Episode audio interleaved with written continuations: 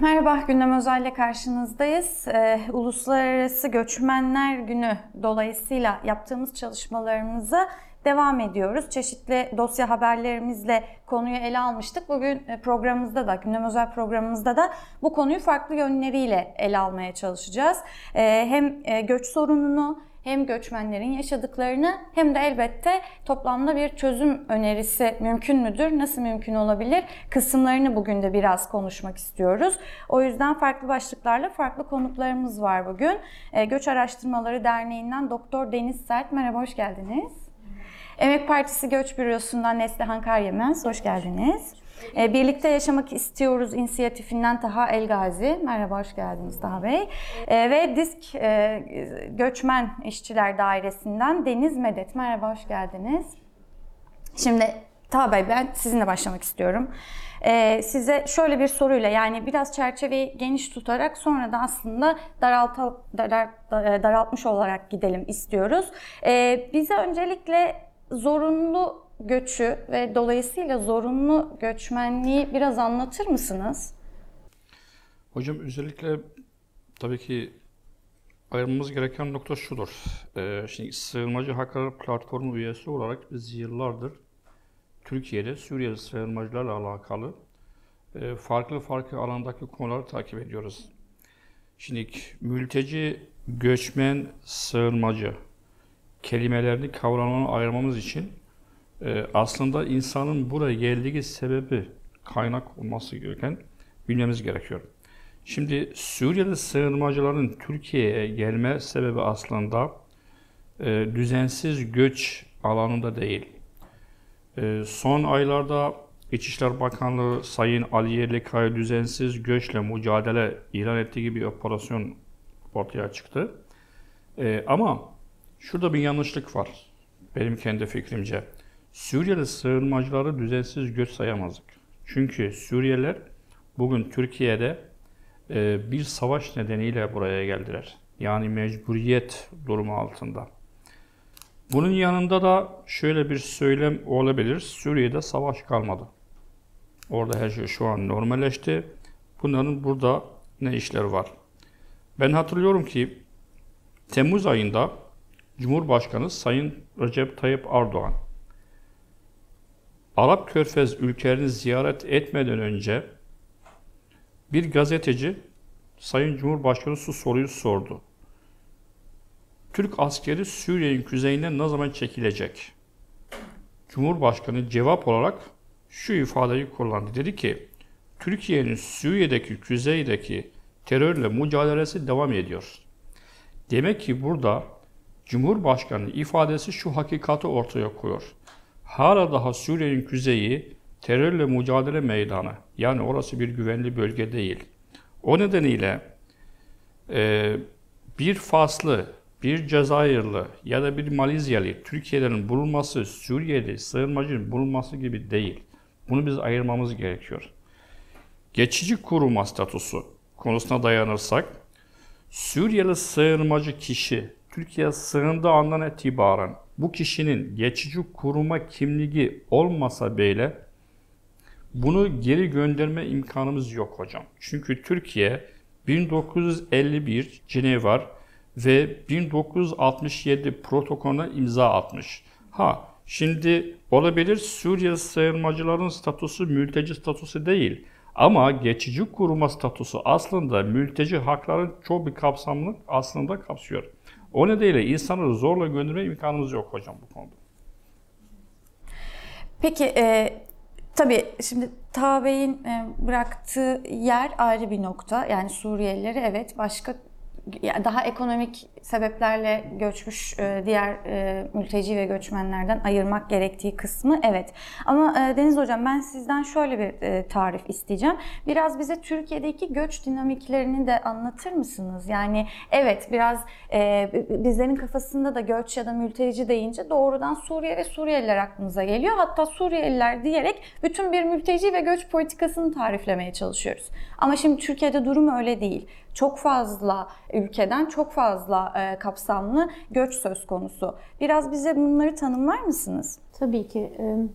Şimdi 2011 yılından beri Suriyelilerin aslında sayısı nedeniyle göç çalışmaları alanında da yani gerçekten Suriyelilerin domine ettiği bir, bir yaklaşım var. Politik partiler de bu arada yani göç politikası konuştuğumuz zaman onlarla hep Suriyeliler üzerinden konuşuyorlar. Halbuki çok farklı kategorilerde şu an burada bulunan e, insan grubu var. Çok farklı milletlerden. Şimdi Göç İdaresi Başkanlığı bunu nasıl ele alıyor? E, bir kere uluslararası korumaya bakıyor. Uluslararası koruma Suriyelilerin dışında burada sığınma talebinde bulunan herkes. Bunlar hangi ülkelerden gelen insanlar? İşte Afganistan, Somali, Irak, e, İran gibi yerlerden gelen insanlar. Yaklaşık şu an herhalde 100 bin, 100 bin kadar sığınma talebi var ülkede. Uluslararası koruma talebi. Yani ve buradaki yaklaşım bu insanlar eğer mülteci statüsü alırlarsa başka bir ülkeye yerleştirilecekler coğrafi kısıtlama nedeniyle.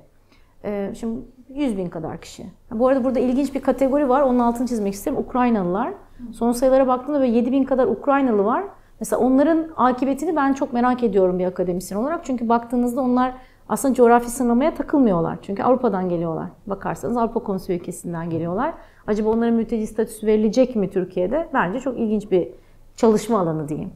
Şimdi uluslararası koruma, geçici korumadan zaten Taha Bey bahsetti. Geçici koruma altındaki 3.3 milyonda en son Suriyeli sayısı. Ee, bunun dışında düzenli göçmen dedikleri bir kategori var. Onun altında bunlar da ikamet izni olan insanlar. Şimdi orada da aslında çok kafa karışıklığı var. İkamet izni vermek gerçekten bir insanın ülkede düzenli statüde olduğunu mu gösterir? Ee, aslında pek göstermiyor. Orada yani şimdi öğrenci ikametiyle kalanları bir tarafa alıyorum ama Türkiye'de şu an yaklaşık 1,5 milyon kısa dönem ikametli insan var. Şimdi buna düzenli göçmen diyoruz ama 1,5 milyon insanın burada aslında özellikle yani e, ev içi emekte diyeyim düzensiz bir şekilde çalıştığını da biliyoruz. Yani bu insanların aslında hiç çalışma izinleri olmadan, hiçbir güvenceleri olmadan burada çalıştıklarının da farkındayız. E, bir buçuk milyon karda böyle insan var. Onun dışında bir de e, düzensiz göçmenler var. Taha Bey'in de bahsettiği. Bu insanlar kimler? Bunlar işte aslında herkesin medyada kaçak, yasa dışı vesaire olarak adlandırdığı e, başta Afganlar, Pakistanlı, Bangladeşli, özellikle gene e, emek piyasasının çok önemli parçası olan insanlar. E, bizim Göç Araştırmaları Derneği'nde çok yakın zamanda Afganların kabul mekanizmaları üzerine bir raporumuz çıktı. Türkçesini de aslında bu, yani bu hafta içerisinde yayınlayacağız. Yani orada aslında belki de biz başlığı yanlış attık kabul etme mekanizması demek gerekiyor. Bu düzensiz düzensiz göçmen dediğimiz insanların da aslında başka bir statü alabilecekleri hiçbir ortam ya da mekanizma yok ortada. Yani mesela Afganistan'da Taliban'dan kaçıp gelen bir kişi de ülkesinde korumaya muhtaç bir kişi. Ama onlara uluslararası koruma başvuru sistemi erişilebilir durumda bile değil. Ee, dolayısıyla çok geniş bir gruptan bahsediyoruz. Bunun dışında tabii bir de farklı ikamet türlerinden bahsetmiştim işte emlak ya da yat, emlak alarak ya da farklı yatırımlarda bulunarak Türkiye'de uzun dönem ikamet ve zaman içerisinde vatandaşlık almaya kadar giden e, bambaşka bambaşka bir grup da var. Onlar daha böyle hani üst orta sınıf e, diye diyebileceğimiz bir kesim. E, ama e, yani bunlar da işte Rusya'da savaştan kaçanlar, Ukrayna'da Ukrayna'dan gelenler, İran'dan gelenler şu an aslında oradaki emlak piyasasındaki alım durumlarına baktığımız zaman Irak, İran, Rusya bunlar en e, başta gelen milletler gibi görünüyor. İran herhalde özel bir parantez olarak siyasi ve politik nedenlerle gelenler de çok fazla. Onların da aslında buradaki o hukuki sorunları da epey bir mesele oluyor. Geri gönderme yakalandıkları zaman. Evet, elbette. Yani orada zaten yani 1979'dan beri gelip uluslararası korumaya burada başvurup ondan sonra yeniden yerleştirilen büyük bir grup vardı.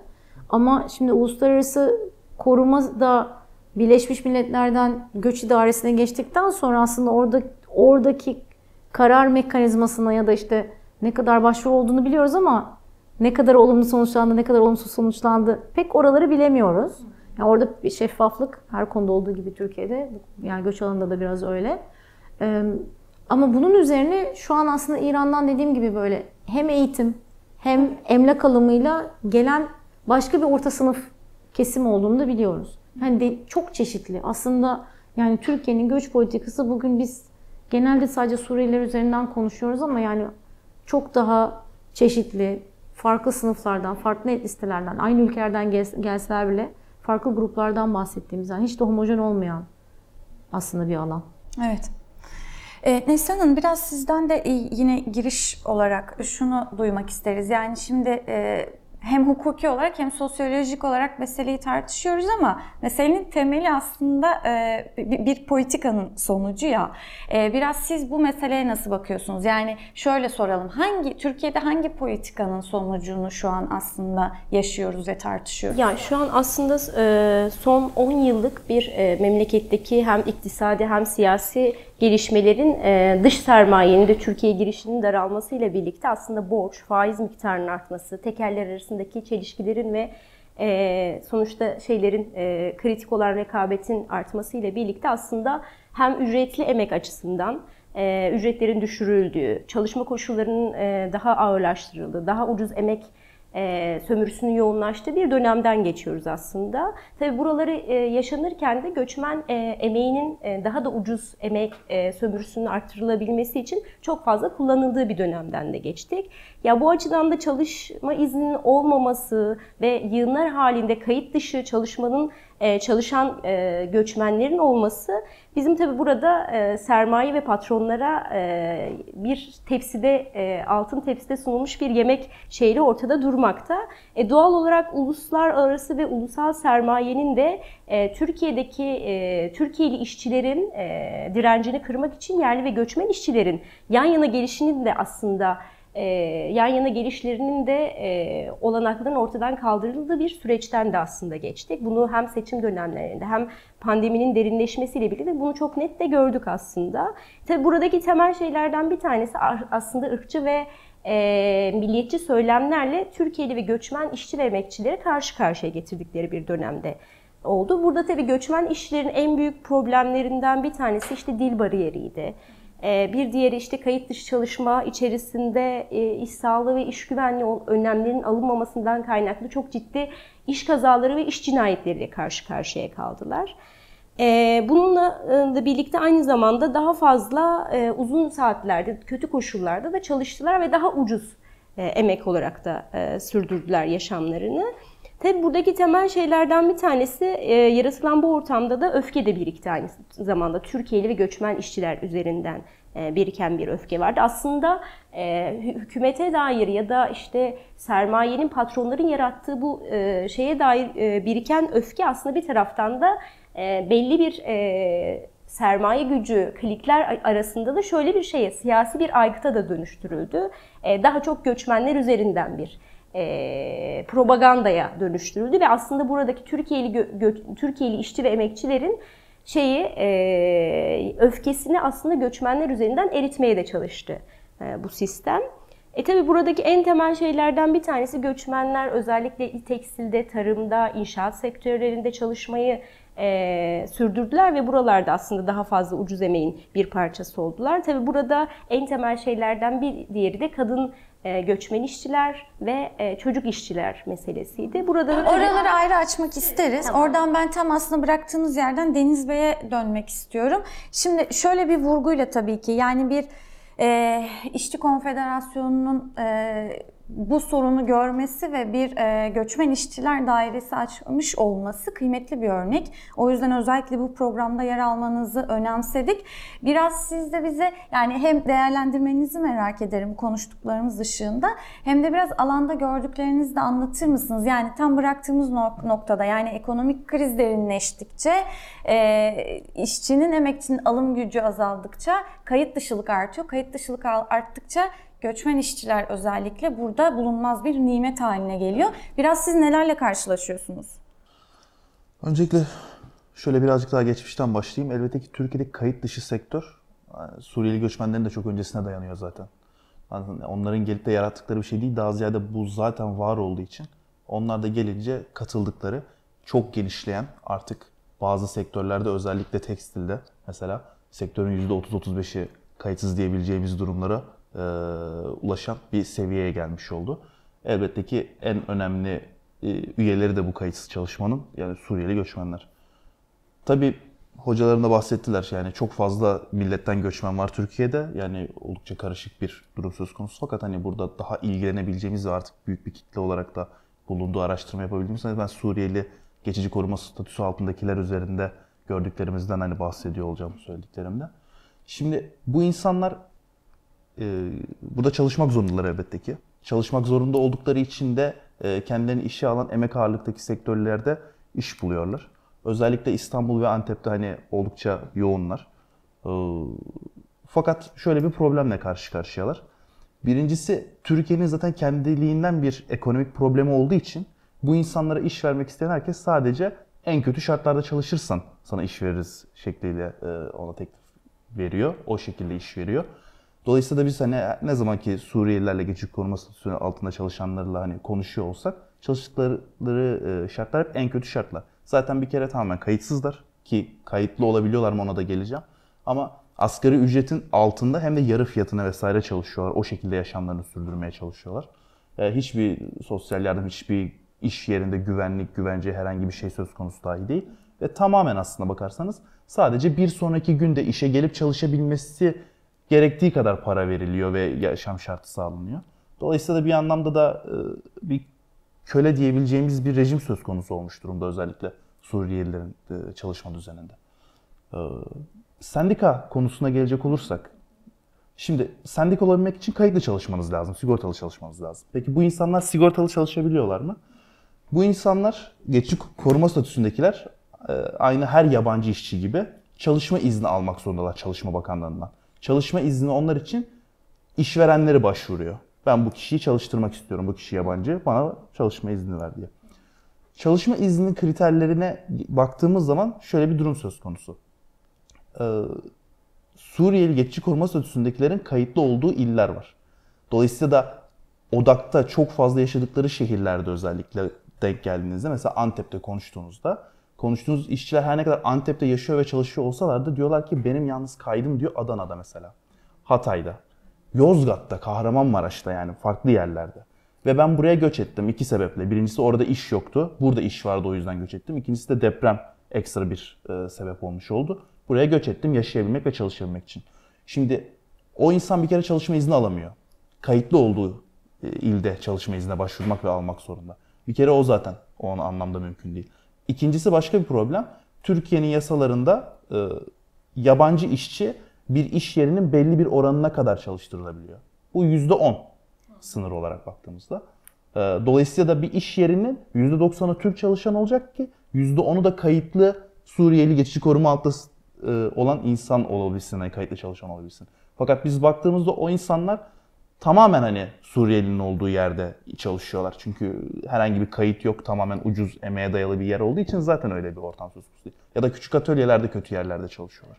Haliyle de onlar için çalışma izni almak pratikte aslında mümkün olmuyor. Yasalar onun etrafını kapatmış oluyor. Öyle olduğu için de sendikalı olmaları da pek mümkün olmuyor. Ki biraz da burada sayı da vermiş olayım daha tabloyu iyi çizmek açısından. Türkiye'de geçici koruma statüsü aldı 3.2 milyon son istatistiklerle resmi veri var sayıda e, insan var. E, bu bunun bir kısmı 700 bin kadarı e, öğrenci, çocuk diye geçiyor. Bir de bunun işte bir kısmı, önemli kısmı tabii ki kadın. Hatta çoğunlukla kadın yani verilere göre. Fakat öyle bile bakacak olsak ve bu insanların çalışma zorunda olduğunda varsayacak olursak Türkiye'de 1,5 milyon kadar belki de Suriyeli çalışan var ve kayıtsız çalışıyorlar. Kayıtlı çalışan istatistiği çünkü 78 bin sadece. Yani 1,5 milyonda 78 binlik bir kayıt çalışan var. Hani bir 100 bin kadar da kendi iş yerini açan esnaf vesaire var ama hala bile 1,5 milyona yakın sayıda biliyoruz ki aslında sayılara baktığımızda çalışan insan, sektörlerde çalışan, özellikle de sanayi sektörlerinde çalışan insan var ve bunların hepsi tamamen kayıtsız çalışıyorlar. Ee, dolayısıyla da hani sözümü burada bitireceğim ben daha sonra devam edeceğim ama e, çok ciddi bir e, emek sömürüsüyle de karşı karşıya kalmış oluyoruz. Özellikle de insanların e, durumları çok kötü. Yani sahada gördüğümüz kadarıyla. Ee, dediğim gibi hani yaşadıkları yerlerde çok kötü zaten paraları yok, güçleri yok. Ayrıca e, iş yerlerinde çok fazla iş kazasına maruz kalıyorlar. Çünkü bir kaydı yok ve kimsenin de haberi olmuyor iş kazası yaşandıktan sonra. Ölen insanlar var, sakat kalan insanlar var, aileleri perişan durumda E kalıyorlar. son örneği hatırlatalım o zaman. Yani yakılan Afgan madenciyi çok yakında gördük. Evet. Aynen öyle. Evet. Yani maden sektöründe bir de öyle bir şeyle. Yani Bu bir de şey- yansıyan elbette yani belki de böyle işte kayıtsız olduğu için yok kayboluyor ortadan. Belki ailesi bile burada değil. Arayacak hiç kimse yok. Yani karşılaşıyor musunuz böyle örneklerle? Tabii ki de karşılaşıyoruz yani gittiğimizde Taha Hocam'la birlikte Antep'te gittiğimizde de yani insanlar yani sakat kalmış mesela. Sakat kaldığı için çalışamıyor hani ama çalışmak da zorunda bir taraftan şeklinde. Ama yani onunla ilgili herhangi bir işlem durumu söz konusu değil işverenle ilgili ya da yaşamına dair bir iyileştirme söz konusu değil kayıtlı olmadığı için öyle e, çok kötü şartlarda kalmış oluyor. Ya da e, çocuk işçiliği Suriyeliler arasında çok yaygın. İki sebebi var. Birincisi yine çocuk e, kayıtlı olması gereken ilde değil. Çünkü göç etmişler, iç göçte bulunmuşlar. Dolayısıyla da eğitime kaydetmek ayrı bir problem konuştuğumuzda. Yani hatta bu arada bazı doktorlarla da e, bu tarz toplantılarda konuştuğumuz şeyden bahsediyorlar. Ya doğum için gelen birine doğum işlemi yapmak, daha sonrasında o çocuğu orada yani hastanede bakmak vesaire o bile problem olabiliyor yani yasal anlamda diye anlatmışlardı. Ee, çocuklar hem kayıtlı olmaları sıkıntılı olduğu için okula hem de yani baba yaşlanmış daha fazla para getirilmesi gerekiyor eve. Herhangi bir sosyal sigorta güvence yok. E, bir şekilde yaşanması gerekiyor. O zaman çocuk 10 yaşına 15 yaşına geldi. 10 yaşında da ciddiyim yani. Gözlerimizle de görebiliyoruz. Ee, gidip çalışmaya başlıyor. Okul hayatı vesaire yok. E, o insanlar o şekilde hayatlarını devam ettirmeye çalışıyor. Evet. Bey biraz şimdi e, Deniz Bey'in e, açtığı yerden onu bize bir anlatır mısınız, hatırlatır mısınız? Bu kayıtlı olduğu ilde bulunma meselesi, e, o ne zaman hukuki olarak e, ortaya çıktı ve nasıl sonuçlar doğuruyor? Hocam bu e, siyahat kısıtlaması ya da iller arasında siyahat yapılması aslında geçen Şubat yani şu 2022'de ortaya çıktı. Seyretilme projesiyle başladı. Seyretilme projesi tabii ki e, Ankara altında olaylardan sonra e, bir e, karar olarak ortaya çıktı. Onun akıbetinde direkt e, 52 ilde 1169 mahalle kapatıldı e, Suriyeli sığınmacıların ve diyelim ki yabancıların ikamet e, önünde. Şimdi bu aslında hem Birleşmiş Milletler'e bağlı olan insan hakları heyet maddelerine hemen de aynı zamanda da anayasada aykırı. Bir insanın kendi yaşadığı yeri ve diyelim ki siyahet ve nakletmeyesi o kendi temel hakkıdır. Şimdi burada devletin ya da hükümetin güven nedeniyle bazı kararlar alabilir. Özellikle darbe sonrası işte 2016'dan sonra Türkiye'de bulunan yabancı toplum ya da kısımların siyahat etmesi şey. Ama şimdiki Suriyeli sığınmacılarla alakalı şöyle bir duruma geldik hocam. Yani bu iller arasında siyahat kısıtlamasının etkisi hangi noktaya dayandı? Ee, biz Deniz hocamızla birlikte Antep'e giderken ve aynı zamanda da Deniz hocamız ve hatta Nasin hocamız bu konuya hakimdir. Suriyeli sığınmacı bir ailenin içerisinde baba geçici kurma kimliği başkayla bağlı, anne ve çocuklar başkayla bağlı.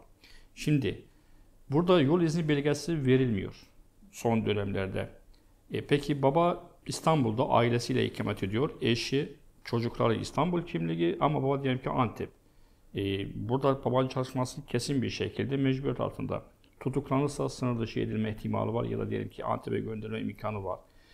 Ne yazık ki maalesef biz çoğu görüşmelerde göç başkanlığı ya da göç müdürlüğü yetkililerle böyle bir insani durumlarda aile birleşim sistemine dayanarak bu aileyi bir araya getirin. Yani bu baba olarak bunun geçici kurma kimliğini başka ilden İstanbul'a alın. Zaten burada yıllardır burada yaşıyor. Onun ötesi şöyle bir e, çekişme, e, tersleme noktası var. E, 7 yıl önce, 6 yıl önce İstanbul'a yerleşen ve başka ilden gelen iş yeri açan Suriyeli sığınmacılar var. Kişinin kimliği İzmir ya da Antep ya da Kilis ya da Urfa İstanbul'a gelmiş. Burada bir iş yeri açmış. O dönemde bütün devletin resmi kurumlardan resmi evraklar, ruhsatlar çıkartmış. Yani diyebiliriz ki devlet bu kişiye çalışma izni, bütün ruhsatları verdi. Şimdi seçim öncesi ne yazık ki maalesef geçici kuruma kimliği İstanbul olmayanlar illerine dönsünler. Peki şurada bir soru var. Ben bir iş yeri sahibi olarak 6 yıl 7 yıl önce bana çalışma izni ve iş yerimin ruhsatını veren aynı hükümet şu an bana diyor ki burayı terk et bırak iline dön. Sen bana başta niye o zaman izin verdin? Sen beni bu kadar niye para yatırım noktasına getirdin? Ben bu kadar masraf ettim, bu kadar şey ettim, iş yerimi açtım, burada düzenimi kurdum. Şu an bir anda ben diyorum ki burayı bırak, git iyine dön. Çünkü son bir içerisinde çalışma izni verilmesi yani gerçekten hakiki bir şekilde kısıtlandı. Yani insanların mesela 4-5 yıl önce çalışma izni var ama son bir içerisinde yenilemiyor. Adam bekliyor, bekliyor, bekliyor. Yenilemesi gelmiyor. E ne oluyor o zaman? Burada maalesef hem iş yeri hem de kendisinin siyahati burada yasa dışı oluyor. Tutuklama ihtimali olduğu zaman Allah korusun direkt bunu geri gönderme merkezine alıyorlar. Burada şunu ayırmamız gerekiyor. Madem ki biz bu insanları düzenli bir şekilde gerçekten ortaya koymak istiyorsak ben şunu aslında görüyorum. Suriyeli sığınmacılarla Türkiye'de hala daha 12 yılımıza gel 12. yılımıza geldik ama ortada hakiki bir ve strateji bir göç politikası yok. Yani son dönemlerde son iki ay içerisinde yerel seçimler öncesi hükümetin Suriyeli sığınmacı toplumunun istediği ne bilmiyoruz. Bir yandan göndereceğiz, bir yandan AB ile işbirliği yapıp işte fon sistemi üzerinden integrasyon projeleri ortaya çıkarıyoruz. Yani burada hükümet ne istiyor? İnsanları göndermek mi, insanları burada tutmak mı? Bu maalesef terslik. Yani şimdik biz Suriyeli sığınmacı biraz önce Deniz hocamız bahsetti. 3.3 milyon insan var. Hocam 3.3 insan dediğimizde 3.3 insan hikayesi, 3.3 milyon insan geleceği. Yani biz Türkiye'de gerçekten insanlarla artık sadece sayısal rakamla şey diyoruz. Ama bu insanların sonra duyguları var, insanların geleceği var, insanların hayatları var. Bu insanların bu düzensiz ortamda yaşamların bunlar aslında kendileri suçu değil.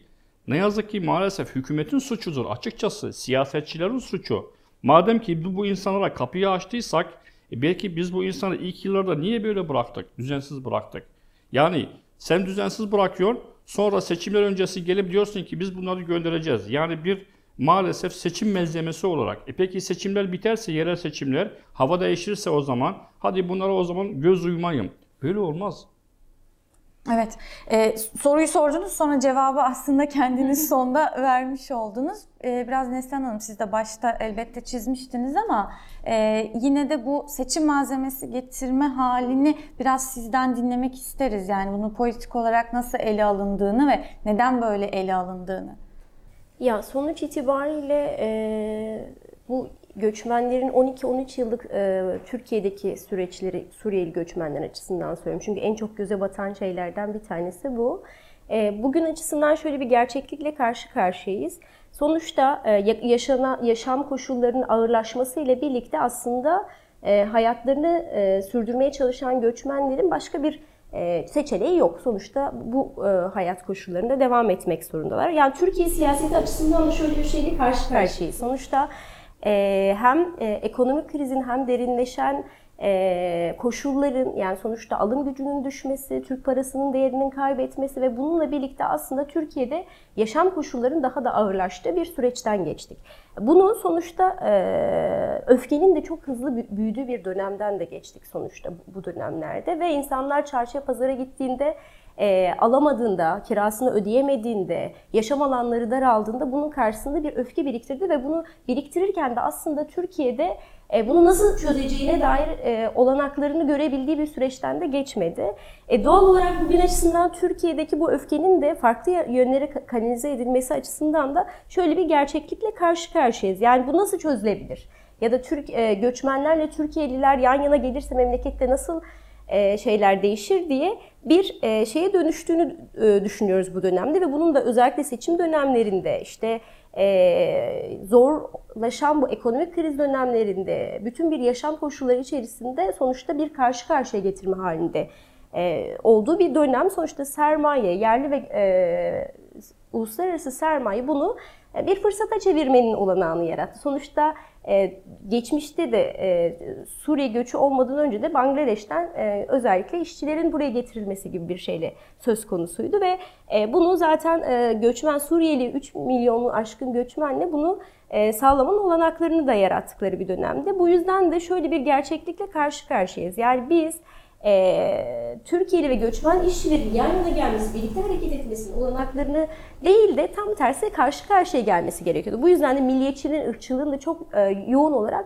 e, pohpohlandığı bir dönemden de geçtik. Çok fazla şey olduğu, siyasetin malzemesi haline getirildiği bir dönemden geçti. Seçim dönemleri evet bunlardan Evet. biriydi. Bir de e, Deniz Hocam şunu da hatırlamakta yarar var. E, deprem dönemi de böyle bir e, hava estirildi ha- hakikaten. Hem deprem bölgesinde hem aslında ülkenin genelinde. Biraz e, depremde biz neler yaşadık, neler gördük göçmenler üzerinden hatırlatır mısınız? Sizin raporlama çalışmanız da olmuştu çünkü. Ee, Evet ama öncesinde bir şey söylemek istiyorum. Tabii ki yani seçimlerin etkisi oldu ama bunda altını çizmek lazım. Son birkaç seçimdir. Yani mesela 2015 seçimlerinde ben hatırlıyorum e, meslektaşım Ali Füsunoğlu ile biz bir araştırma yapmıştık. Suriyelilerin çok olduğu bölgelerle az olduğu bölgeleri böyle seçerek istatistikler bir çalışmaydı. Hani seçim davranışının etkisini görmeye çalıştık. Hiç etkisi yoktu. Yani seçmen davranışını hiç etkileyen bir şey değildi göç. Yani biz bunu ne zaman konuşmaya başladık? 2019 yılında yerel seçimlerde hükümet partisi önemli şehirleri kaybetti. Ondan sonra işte bütün bu sınır dışılar başladı. Ee, sonra Zafer Partisi'nin kuruluşuyla söylemin gittikçe sağa kaydığını da görüyoruz. Ben burada şeyin altını çizmek istiyorum. Yani Türkiye'nin yapısal problemleri var. Yani Deniz Bey'in de söylediği gibi. Yani bu ülkede kayıt dışı ekonomi var. Bugün biz Suriyelilerin ya da Afganların kayıt dışı çalıştırması var. Eskiden bu Kürtler için konuştuğumuz bir şeydi. Ondan öncesinde işte daha e, alt sınıf e, fa- fakiri Tü- Türkiye Türkiye'lilerle ilgili konuştuğumuz bir şeydi. Yani ve dünyayı ilk defa biz de keşfetmiyoruz. Yani bu yapısal bir problem. Daha önce Avrupa'da da aynı sorunlar yaşandı. Orada da göçmenlerin e, emek sömürüsüne dair bir sürü politikalar uygulandı. Fakat sonra mesela Almanya gibi ülkeler şeyi fark ettiler. Ya biz kaçak göçmen çalıştıran işverene ceza yağdırarak bunu çözemeyiz. Ne yapalım? O zaman ekonomiyi kayıt altına alalım. Yani bütün ekonominin kayıt altına alınmasından bahsettiğimiz bir dönem oldu. Yani bizim gerçekten bu ülkede artık tüm bu yani yapısal problemleri göçmenlerin sırtına yükleyip hani onları böyle bir günah keçisi haline getirip onlar üzerinden tartışmak yerine ya bizim sorunumuz ne? Bunu konuşmamız lazım. Yani bu hem kayıt dışı ekonomide böyle hem ana dilde eğitimde böyle. Yani ana dilde eğitimde de konu Suriyelilerle başlamadı bu ülkede hepimiz biliyoruz. Şimdi depremde ne oldu? Ee, biz deprem bölgesine birkaç defa gittik. Göç Araştırmaları Derneği olarak izleme raporları yayınladık. Yani depremde tabii şöyle oldu. Yani Suriyeliler sonuçta yani genel olarak göçmenler çok iyi örnekler de vardı. Altını çizmek istiyorum. İyi örnekler de vardı. Yani ben gerçekten yani Suriyeli derneklerin mesela işte mahallelerinde hemen örgütlenip Türkiye vatandaşı olanlara da yardım ettiğini, hatta çok göçmen karşıtı olan Türkiye vatandaşı vatandaşının ya bu Suriyeliler de hiç düşündüğümüz gibi değilmiş. Ya çok yardım ettiler bize sağ olsunlar dediğini de duydum. Ama onun ama bunun yanında ya işte Suriyeliler zaten deprem olur olmaz hemen onlar ilk gittiler. İşte zaten onların burada bağ yoktu ki tabii ki gidecekler. Yani aslında baktığınızda Suriyelilerin hiç yaranamadığı bir dönem oldu. Yani e, şey de vardı mesela bizim dinlediğimiz hikayelerde. Genç Suriyeli çocuklar sabaha kadar muhtara yardım etmişler çadırların dağıtılmasında. Çocuklar yani sabah olunca demişler ki ya bir çadır da bize verseniz. Suriyelilere çadır yok denmiş. Bu da oldu. Yani depremin özellikle en başında yani medyanın da bence ve, ve sosyal medyanın da e, biraz böyle yani pompalamasıyla e, aşırı göçmen karşıtı yani bir söylem oluştu. Yani orada da ben özellikle bazı medya mensuplarının çok sorumsuz davrandığını düşünüyorum. Yani tabii ki bazı yani yağmalamaların olduğunu biliyoruz. Ama bu yağmalamaların hepsinin Suriyeliler tarafından yapılmadığını da bugün biliyoruz. Ama devamlı kötü örnekler üzerinden bir kampanya başlatıldı o dönemde ve göçmen karşıtlığının gerçekten ayyuka çıktığı bir dönem yaşadık. Onun dışında yol izni meselesi. Evet onu o dönem Yol izni en fazla meselesi o problem. dönemde en fazla problem oldu. Orada da şöyle bir problem oldu. Bütün göçmenlere dediler ki e, işte size 90 gün veriyoruz. 90 gün e, için istediğiniz başka bir ile gidebilirsiniz. Şimdi işte onlar da ne yaptılar işte çocuğu Samsun'da okuyorsa Samsun'a gitti 90 gün için. Ama 90 gün insan hayatında çok kısa bir zaman. Yani şimdi sizin çocuğunuz var, benim çocuğum var. Okula gidiyorlar. Şimdi 90 gün çocuğu gittim yerleştirdim. E bir dönem 90 gün değil ki. Ondan sonra ne yaptılar? 90 güne 10 gün kala öyle bir şeydi yani. Ve bunlar hep böyle kulak dolgunluğuyla. Ah uzattık biz 90 gün daha. Peki sonra 90 gün daha. Yani ama hani bu gerçekten uzun vade bile demiyorum ama orta vadede insan hayatını planlamak için yeterli bir şey değil. Yani siz artık bir tatil planınızı bile 6 ay sonrası için çok önceden yapıyorsunuz. Yani 90 gün insan hayatında nedir ki? Bütün bu illeri böyle çok kısa vadeli şekillerde açtılar. Ama ne oldu? Hala şey devam ediyor.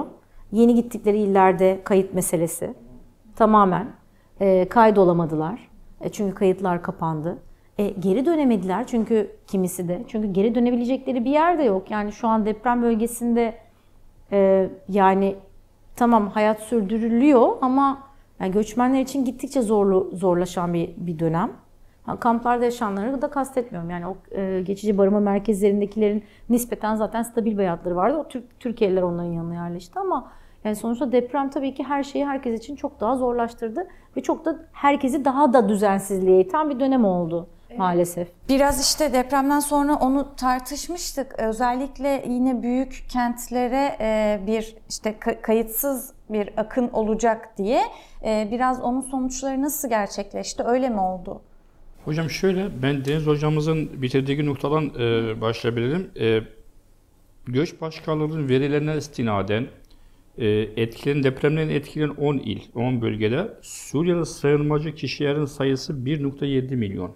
Bu 10 bölgede yarısı diyebiliriz. Ama depremden e, ciddi bir şekilde etkilenen, yani şu an evsiz kalan 400 bin Suriyeli sığınmacı var. Antakya, Maraş, Nurdağı e, ve diyelim ki işte İslahiye. Şimdi bu 400 bin kişinin maalesef şu an e, tekrar o bölgeye dönmeleri mümkün değil.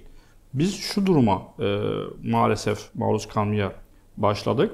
Deniz hocamız işte adres kaydından bahsetti. Adres kaydının önemli olma noktası neresi? Çünkü bir Suriyeli sığınmacının adres kaydı yoksa geçici kurma kimliği iptal olur. Yani bunu her anda sınır dışı edilme ihtimali var. O nedenle yol izni belgesinin o bölgeden başka ilere giderken biz şunu talep ettik Köşk Başkanlığı yetkililerden açık bir süre verin.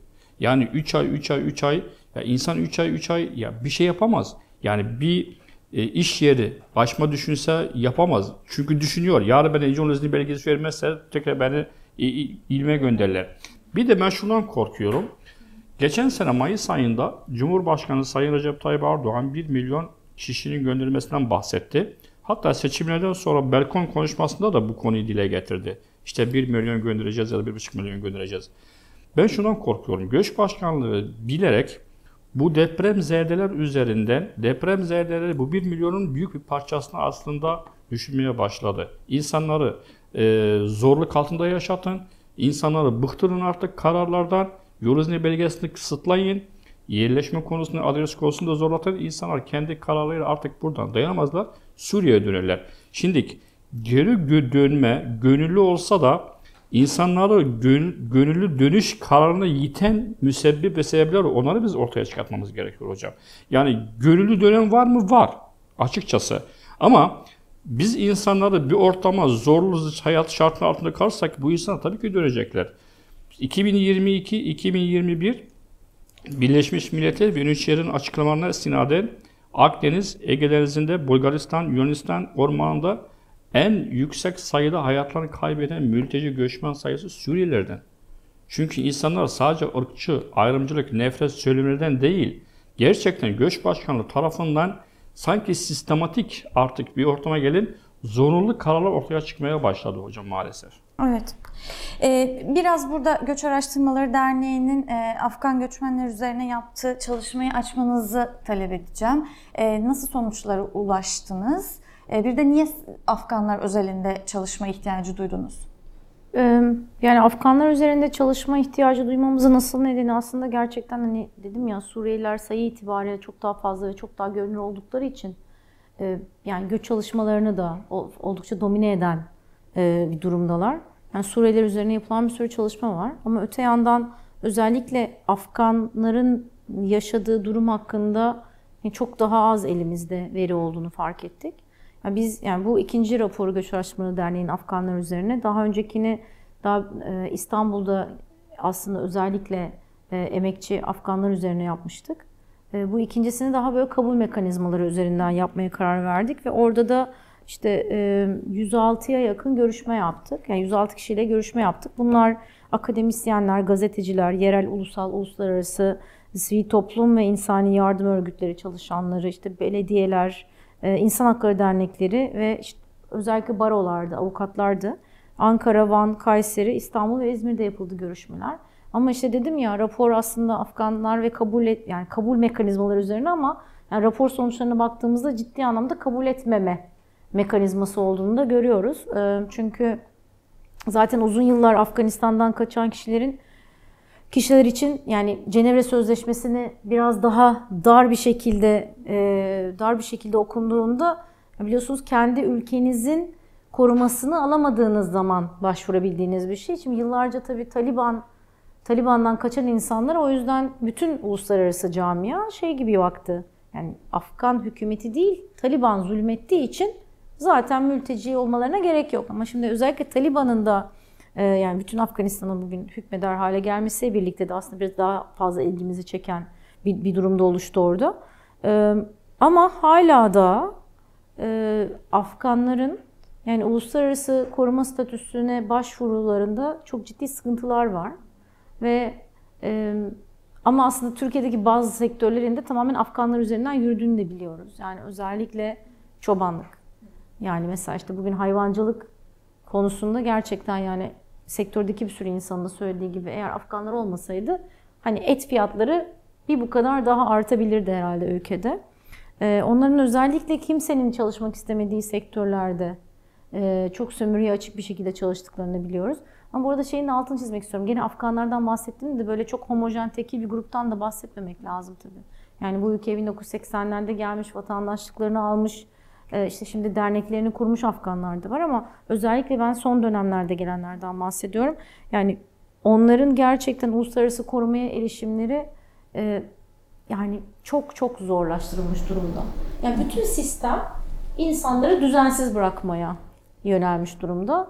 E, bu da zaten işte Deniz Bey'in bahsettiği bütün o sömürüye açık durumu gözler önüne seriyor. Buradaki problem ne?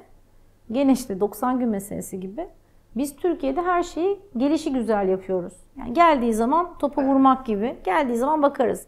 Her şey öyle İngilizce'de ad hoc derler. Hani geldiği zaman halledelim. Her şey kısa vadeli. Kısa vadeli çözümlerle halletmeye çalışıyoruz. Ama şimdi bu sayılara baktığımızda yani Suriyelilere de baktığımızda, Afganlara da baktığımızda ve emek piyasasındaki durumlarına baktığımızda sorun ne? Şimdi uzun vadede bu insanlar yaşlandığında mesela ne olacak? Yani şimdi bugünkü Suriye nüfusu ya da Afgan nüfusu Türkiye'de çok genç. Ama bu insanlar yaşlandıklarında hiçbir sosyal ve yani hiçbir sosyal güvenceleri şimdiden yok. Yani herhangi bir emeklilik planları falan da yok.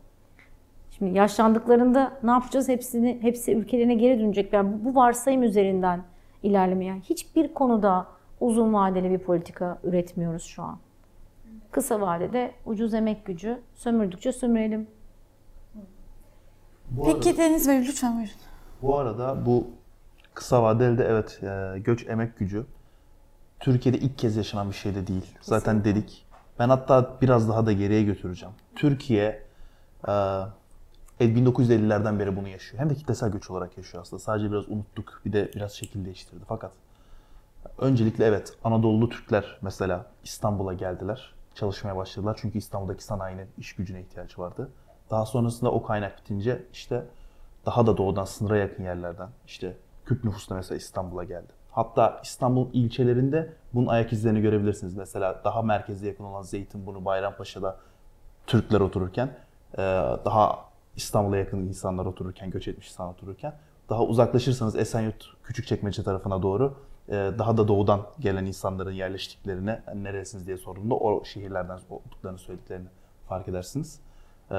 Dolayısıyla da Türkiye'nin sanayileşme macerasında sürekli olarak kendi seviyesini arttıramadığı için aslında, kendi standartını yükseltemediği için daha ucuz iş gücü arayan sürekli olarak bir sanayi durumu söz konusu, bir gerçekliği söz konusu. Bu bir yerde Türkiye'nin içerisindeki bu kaynak bittiği zaman da artık yurt dışındaki kaynağa başvurmuş oldu. Bu onunla oldukça paralel olan, bu hikayenin devamı olan bir şey. Elbette ki işin içine dış politika girmeye başladı. Dışarıdaki ülkelerin yaşadığı savaşlar, problemler girmeye başladı. Fakat emek ve sermaye tarafından bakarsanız hikayenin olayı bu aslında. Şimdi Türkiye artık asgari ücretin hani 400 doların altında e, inmemesine çabalayan bir ülke oldu. E, baktığınız zaman böyleyse gidip de Pakistan'la mesela tekstil sektörüne gidip Pakistan'la Bangladeş'te vesaire yarışmaması gerekir. Seviye atlamış olması gerekir. Fakat sahada öyle değil. Gayet de hazır giyim sektörümüz bu ülkelerle yarış halinde hala. Hem iç piyasada hem ihracatta. Öyle olunca da sürekli olarak daha fazla ucuz iş gücü bulması gerekiyor. Çünkü oralardaki asgari ücret 100 dolara kadar düşüyor. E böyle olunca da e, göçmenlere bir tür emtia gözüyle bakıyor. İşte burada çalıştıramıyoruz Türkiye e, asgari ücretin altına ama bunu çalıştırabiliyoruz. Bu şekilde olsun, gelirse de böyle olsun. E ses de çıkartmasın. Yani durumlarını da düzeltmeyelim. Yani durumlarının bir kısmını düzeltmek bu kadar zor şeyler de değil. Yani politik önerilerine, önerilerine geliriz. Fakat düzeltilmek isteniyor mu birincisi? Bu söz konusu. İkincisi de gerçekten bu belirsizlik ve anlık davranma da e, herkes için bir problem. Yani ne olacak yani Türkiye'deki mesela göçmenler evet mesela bir kısmı geri gönderiliyorlar onu görüyoruz göç e, başkanlığın istatistiklerinden de yani işte çünkü 3.8'den 3.2'ye kadar mesela iniş olmuş. Suriye'ye geri gönderilmiş ya da üçüncü ülkelere gönderilenler var sayılara baktığımızda. Bu devam mı edecek? İşte mesela bir dış politika meselesi olarak Suriye'deki Türk askerinin kontrolünde olan topraklar bizim kontrolümüzde olmaya devam mı edecekler? Edecekse nasıl bir statü verilecek? Yoksa bir gün çekilmeyi mi planlıyor devlet, hükümet? Hiçbir şekilde bu konulara dair bir bilgimiz yok. Buna dair bir bilginiz olmadığı zaman içerideki evet yani sendika, işçi, işveren tarafına da bir çözüm üretmekte zorlanıyorsunuz. Çünkü bir şey planladığınızı düşünürüz diye ama bu bu olması lazım. Bambaşka bir şey yaptılar bir anda dış politikada ya da başka bir politikada. Ve bütün yaptığınız planlar çöpe gidebilir. Ya da insanların geri gönderilme riski olduğu için ki şununla karşılaşıyoruz. Ama bir bize sopa hem- artık zaten öyle değil mi? Efendim? Geri gönderme bir sopa artık işte sesin özellikle Tabii. işçiler açısından. Evet. Sesini çıkartırsan 5 lira daha fazla istersen geri gönderirim seni. Ve bunu bize hem sahada bu insanlar söylüyorlar hem de avukatların kendileri söylüyorlar. Herhangi bir mesela iftira attınız diyelim bir insan üstüne. Şunu yanlışı yaptı diyelim. İş yerinde dışarıda vesaire. Geri gönderme merkezine alınıyor tutuklanıp. Ve oradan sonrası bürokrasi süreci o insan oldukça uzun süre orada tutulabiliyor. Diyelim ki yasa lehine karar verdi. Beraat etti. Yine bile yani bir yıla varan sürelerde o geçici, e, geri gönderme merkezlerinde tutulabildiğine söylüyor herkes insanların. Oradan Neslihan Hanım'dan e, virgül koyalım. Ee, orada şimdi siz e, çünkü göçmenler gününde bir açıklama yaptınız. Özellikle geri gönderme merkezlerine, GGM'lere ilişkin e, önemli tespitleriniz de vardı, gözlemleriniz de var. Onları aktarmanızı isteyeceğiz. GGM'lerde ne oluyor? Olur. Ee, şimdi Deniz e, Bey'in aktardığı yerden aslında biraz devam etmek istiyorum. Sonuçta bu e, bir yıllık süre içerisinde ya da işte daha uzun süre içerisinde sonuçta DGM'lerde kalmanın çeşitli koşullarıyla da e, kalır durumda göçmenler ama bir yanıyla da aslında e, göçmen emeğinin ucuzlatılmasıyla birlikte aslında Türkiye'li e, işçiler, emekçiler açısından da başka bir sopa e, alanı var. Oraya girmeden önce söylemek istediğim şeylerden bir tanesi. Çünkü şuna dönüşüyor.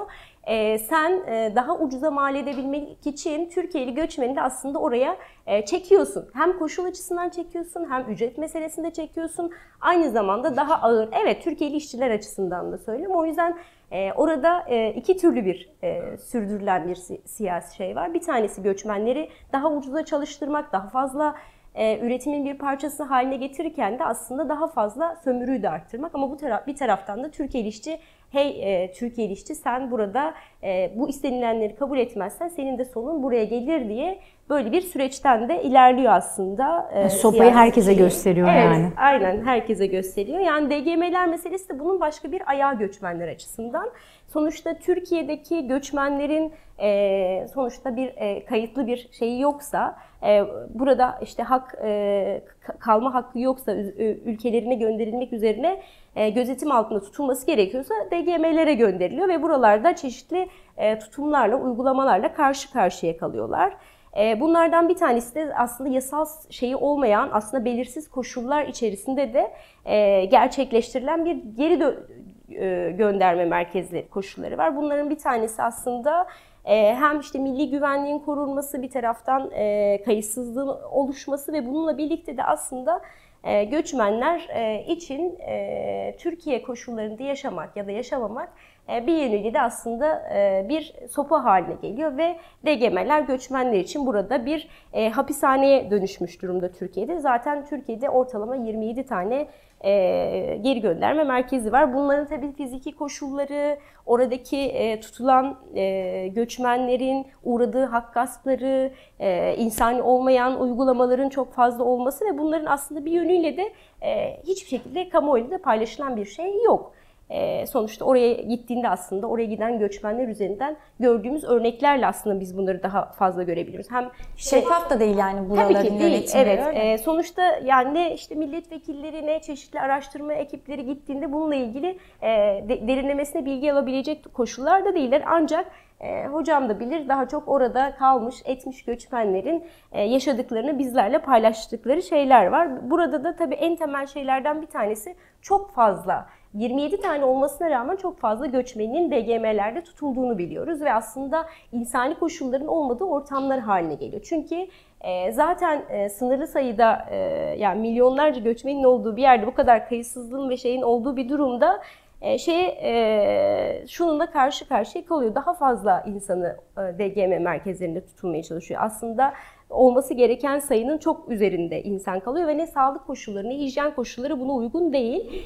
Ve e, hatta işte yine e, açıklamada da e, örneği de var. Sonuçta tuvalette kalır hale gelen bir pozisyonla da karşı karşıya e, göçmenler. Bu, bu yüzden buna benzer koşulların da çok fazla yaşandığını son dönemlerde daha fazla göçmenden dinler haldeyiz ve bu kötü koşulların da bize e, onların hayatında sonuçta daha fazla sağlık e, koşullarının e, daha daha doğrusu e, hastalıkların daha da yaygınlaştığı, sağlık koşullarının ortadan kalktığı ve hijyen e, olanaklarında olmadığı bir durumla karşı karşıya e, göçmenler. Taha Bey'den örnek isteyelim aslında. Varsa bize verebileceğiniz örnekler GGM'de kalmış ve ne yaşamış? Sığınmacı Hakları Platformu olarak biz aylardır işte e, bu e, vakaları takip ederken gerçekten acı hikayeler ortaya çıkıyor. Yani bir Suriyeli sığınmacının geçici kurma kimliği olmasına rağmen diyelim ki geçici kurma kimliği başka ile bağlı.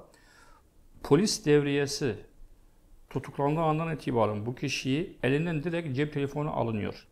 Şimdi burada ilk hak ihlaline giriyoruz. Çünkü bazı yerlerde keyfi gözaltına alınma uygulaması oluyor. Yani polis işte diyelim ki bir polis, tabii ki münferit belisar bir olay, beğenmedi Suriyeli sığınmacıyı. Hemen durduruyor, çeviriyor, otobüse atıyor, geri gönderme merkezine alıyor. Onun ardından ikinci hak ihlali burada zorla kaybetme. Kişinin elinden cep telefonu alırken kişi, ya bize gelen vakaların birisi mesela bir kişinin e, avradı, eşi bir yandan kayboldu. Saat 7'den akşam saat sonrası hamile. Kişi polis merkezine gitti, göç müdürlüğüne gitti, yabancı şubesine gitti, göç diyelim ki e, geri gönderme merkezine gitti. Herhangi bir bilgi alamadı. Şimdi bu aslında umumi bir maalesef kural oldu. Bir kişi tutuklandığı andan itibaren cep telefonundan alıyor ve bunun kişinin avukatıyla, ailesiyle iletişim hakkı verilmiyor. Hatta ailesi sorsa bile polis merkezlerine ve geri gönderme merkezine o kişiden bilgi verilmiyor hocam. Şimdi bazı kişiler ne yazık ki maalesef 10-15 gün sonra aradıktan sonra ya sen bir baba olarak sen oğlum bugün kayboldu. O şuuru yaşamak çok acı aslında. Oğlum nereye gitti? Kızım nereye gitti? Ee, 10 gün sonra kişi ailesini arıyor. Ben İdlib'de oldum. Peki. Bu Gönderilmiş. aslında tabii ki gönderilmiş. Kişi geri gönderim merkezde ama geri gönderim merkezi diyor ki bu kişi bizde değil. Ben şunu artık e, yani görüyorum. Gerçekten maalesef Göç Başkanlığı'nın uygulamaları, biraz önce Reis Hocam bahsetti, Nesin Hocamız da bahsetti. Avukat ya da barolar ya da STK'lar Suriyeli sığınmacı kişiyle alakalı baraat belgesi getirse de, tahliye kararı getirse de Göç Başkanlığı bu karara, mahkeme kararına saygı vermiyor. Kişiyi alıp sınır dışı ediyor hocam. Yani burada artık Göç Başkanlığı'nın Suriyeli sığınmacı kişiye ya da insana saygısızlık noktasına gelmedi artık, kalmadı artık. Burada bir mahkeme kararı var. Mahkeme kararı tahliye verdi, baraat verdi. Ona rağmen Göç Başkanı kişiyi getirip sınır dışı ediyorlar. Yani aslında bu da hem topluma yani Türk toplumun bir kısmına hemen de devlet kurumlarının bazı yetkililerine şöyle bir meşruiyet verdi, şöyle bir hak verdi. Sen Suriye'de sığınmacı kişiyle ne yaparsan yap. Zaten sana sonra kimse bir şey sormayacak. O nedeniyle yani bir yandan ayrımcılık, ırkçılık, nefret, kin söylemleri arttı.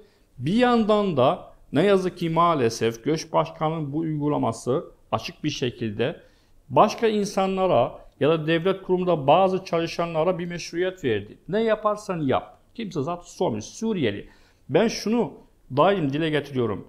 Bizim bugün Türkiye'de açıkçası sadece e, ayrımcılık, ırkçılık, nefretle mücadelemiz değil. Bizim Türkiye'de Suriyeli insanın kıymeti, değeri düştü. Yani bir örnek verebilirim. E, Belçika'da bir kampta iki ay önce bir Suriyeli meslektaşımız, fizik öğretmeni. Aynı kampta bir Türk vatandaş, aynı kampta o da iltica başvurusunda bulunmuş. Türk vatandaş Suriye'ye soruyor, Belçika kampında senin ne işin var burada? Yani burada artık Türkiye'de Suriye konusu ayrımcılıkla artık alakası değil. Onu geçtik hocam. Bir anti-Suriyelizm oldu artık. Her şey Suriye'ye bağlı artık onu dışlıyoruz. Onu ötekileşiyoruz. Onu artık sevmiyoruz. Bu korkunç. Yani bir şu an Suriye toplumunun 3.3 milyon kişi Suriye'ye dönse bile Allah'ın takdiri bir günde keşke Esed rejim bir gün önce düşse de dönsek keşke. Ben eminim ki 50 yıl sonra Türkiye'ye gelsek Suriyeli düşmanlığı hala daha bu toplum içerisinde olacak. Çünkü siyasetçilerin yarattığı ve maalesef bu kirli ideoloji maalesef yerini buldu hocam. Deniz Hocam o zaman biraz bunun sosyolojisini bize anlatır mısınız? Yani şimdi ben ben aslında sosyolog değilim ama çok uzun yıllardır göç alanında çalışıyorum. Ee, yani demin ya ben her zaman şunu söylüyordum aslında. Ben yüksek lisansımı Avrupa Birliği üzerine yapmıştım. Ee, ve işte Avrupa Birliği'ne o zaman Türkiye girecekti. O kadar yaşlıyım. Böyle bir vizyon vardı. Böyle sizin de başınıza geliyordur. İşte geri döndüm yüksek lisanstan herkes bana şey diyordu. İşte Avrupa Birliği'ne ne zaman gireceğiz? Girer miyiz? Ben de diyordum ki yani biz Avrupa Birliği'ne girmek için her şeyi yapalım. Çünkü bu ülkede biliyorsunuz bazı reformların yapılabilmesi için o Avrupa Birliği'nin sopası ve havucu lazımdı bize. Yani ondan sonra karar veririz girip girmeyeceğimizi. Onların da başka dertleri var. Şimdi aslında bugün geldiğimiz noktada yani hep bu aklıma geliyor. Çünkü hani demin bahsettiğimiz hani mahkeme kararı var elde. Ama onu uygulaması gereken birim onu uygulamıyor. Yani şimdi bu artık göçmenlik sorunu değil. Bu artık hukuk devleti. Olmak veya olmamak sorunu.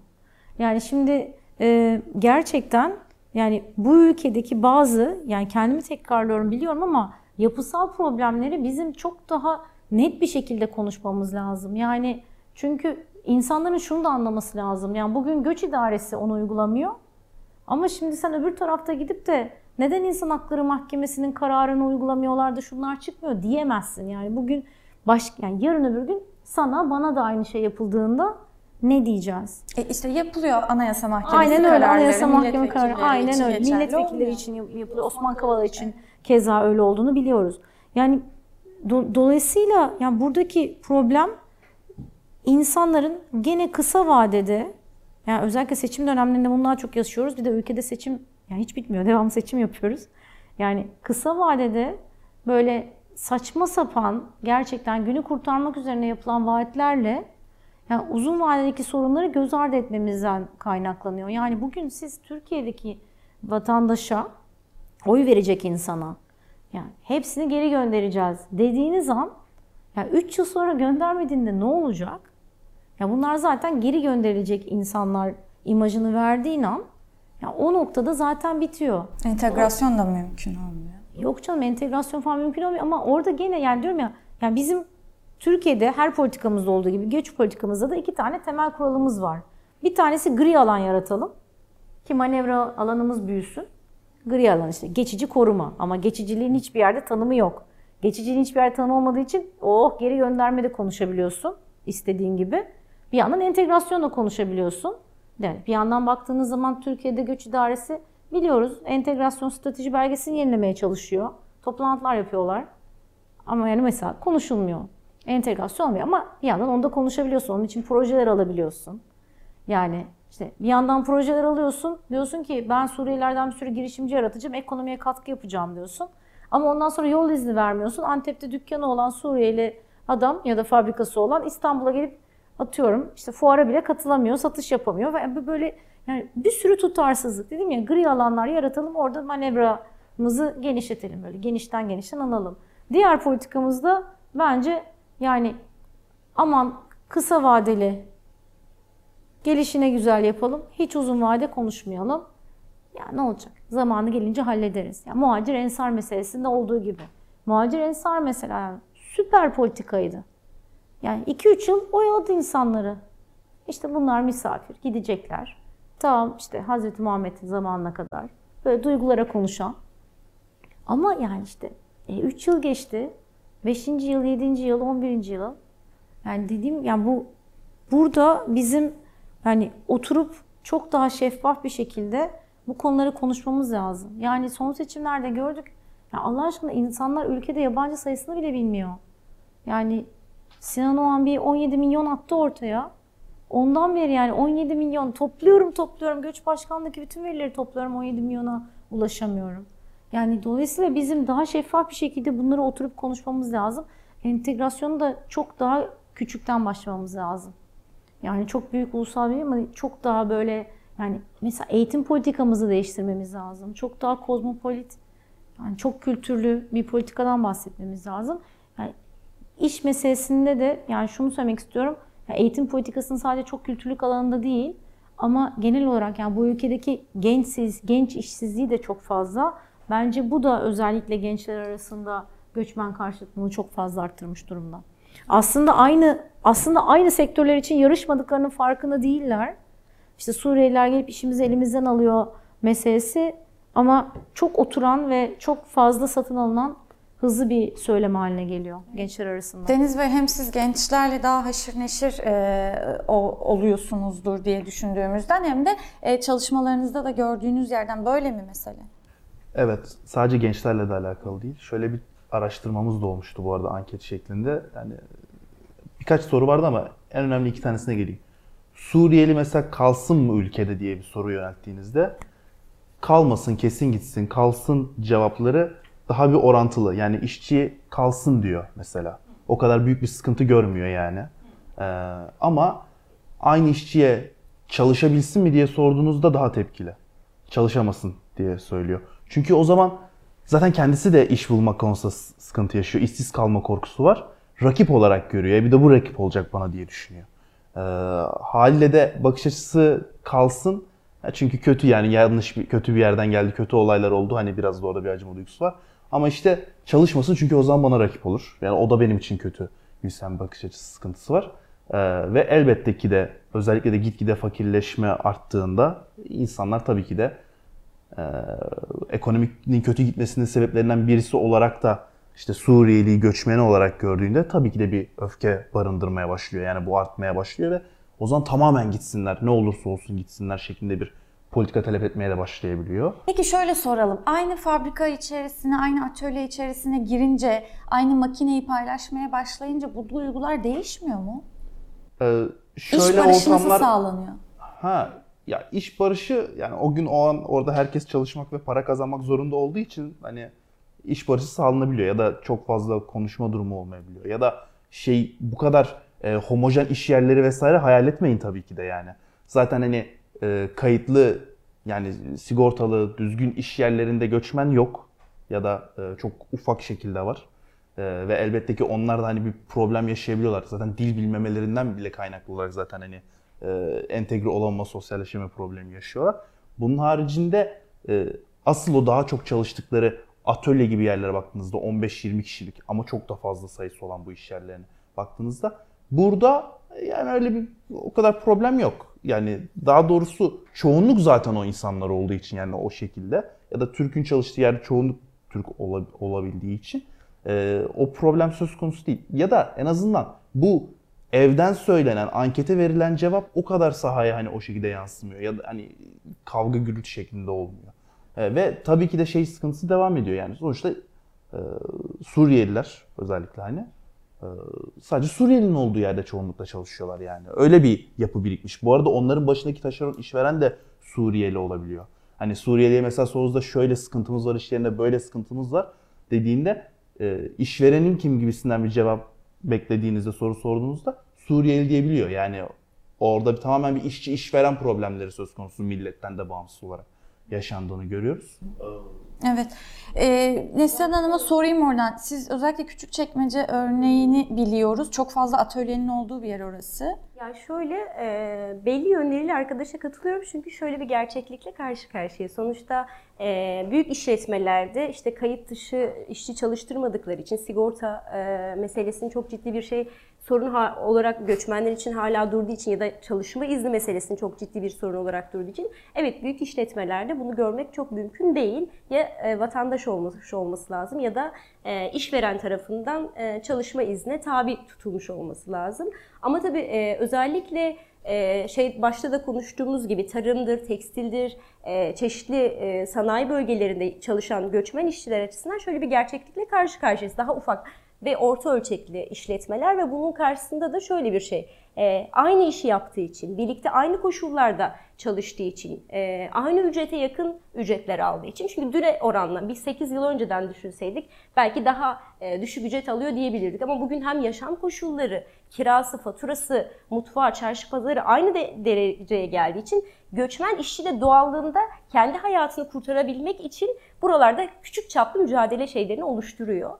E, bu açıdan ben küçük işletmelerde ve orta ölçekli işletmelerde bunun çok böyle olduğunu düşünmüyorum. Daha fazla birbirini anlayan, birbiriyle daha fazla e, sorunlarını çözmek için yan yana gelen örnekleri de aslında tarihte de gösterdi. Özellikle ayakkabı sanayide Adana örneği var e, çok ciddi bir şekilde. Sonrasında da yine e, daha ağırlıklı işte WhatsApp grupları çeşitli alanlarda hem iş bulmak için kullandıkları ama aynı zamanda da birbiriyle de e, iletişimde güçlendirdikleri alanlar yaratmaya çalışıyorlar.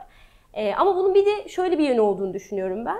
Sonuç itibariyle e, bizim evet e, göçmenlerin yaşadığı koşullar e, biraz önce de bahsettik. Türkiye'li ve göçmen işçilerin aslında aynı koşullarda yaşama zorunlu hale geldi bir yerde. Burada hem sendikalara hem toplumsal e, muhalefetin e, o- olanakları olan yerlerde sonuçta e, hem Türkiye'li ve göçmen işçinin birlikte örgütlenmesinin olanaklarının da arttırılması gereken bir süreçten de bahsediyoruz aslında. Çünkü biz e, sonuçta demin hocalarımız da bahsetti. E, memleketteki hem göçmenlerin hem Türkiye'li vatandaşların yaşadığı bu sorunların temelinde sonuçta ayrıştırılan ve daha fazla kar hırsının olduğu bir süreçten de geçiyoruz.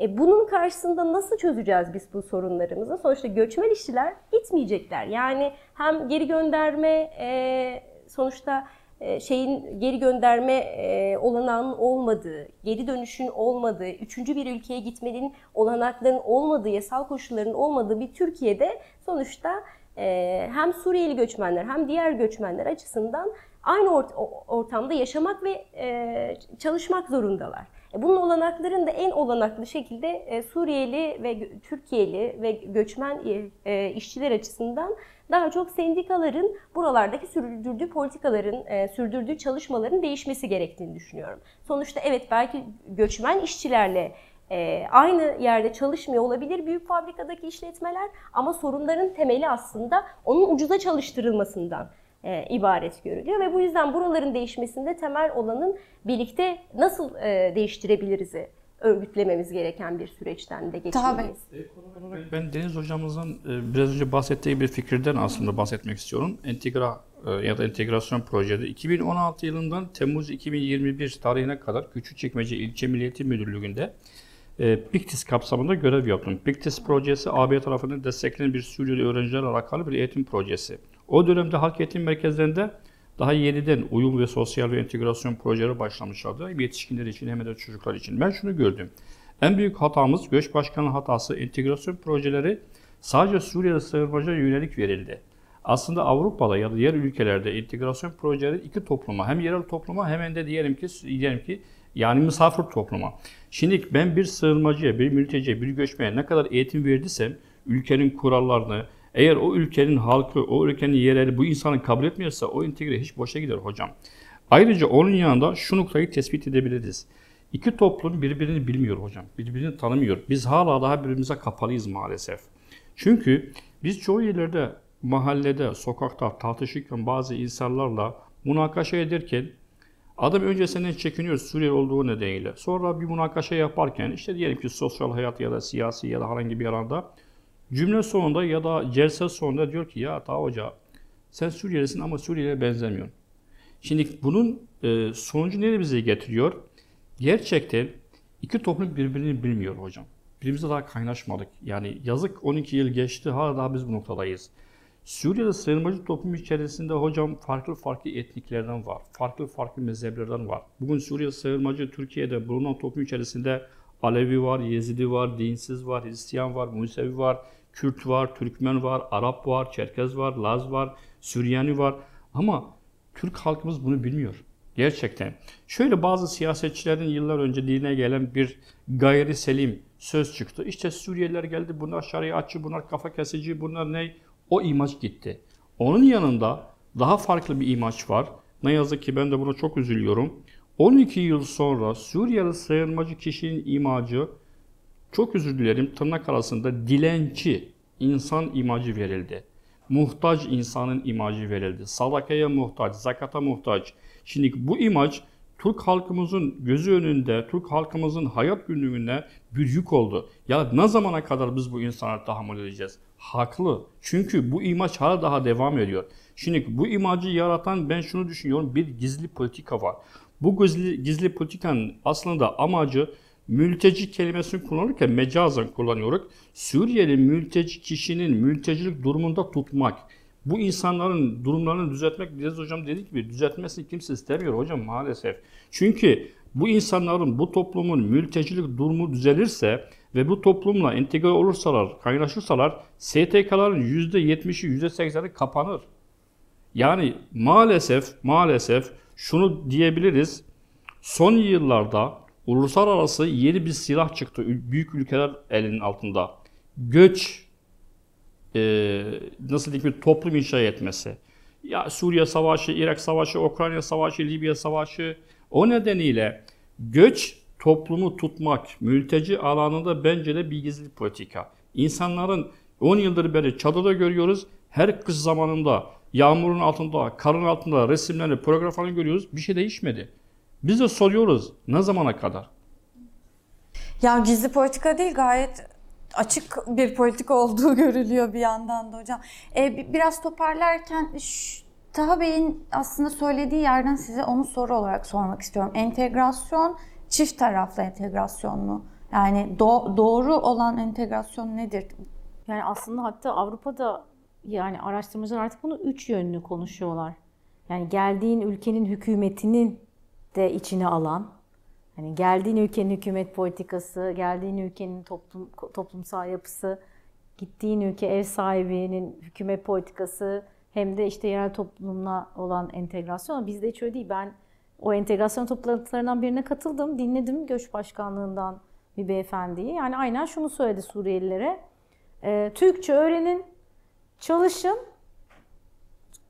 görünmeyin pek gibi üç tane mesaj verdi. Yani zaten bizde zaten göçmen göçmenin görünmeyeni makbul.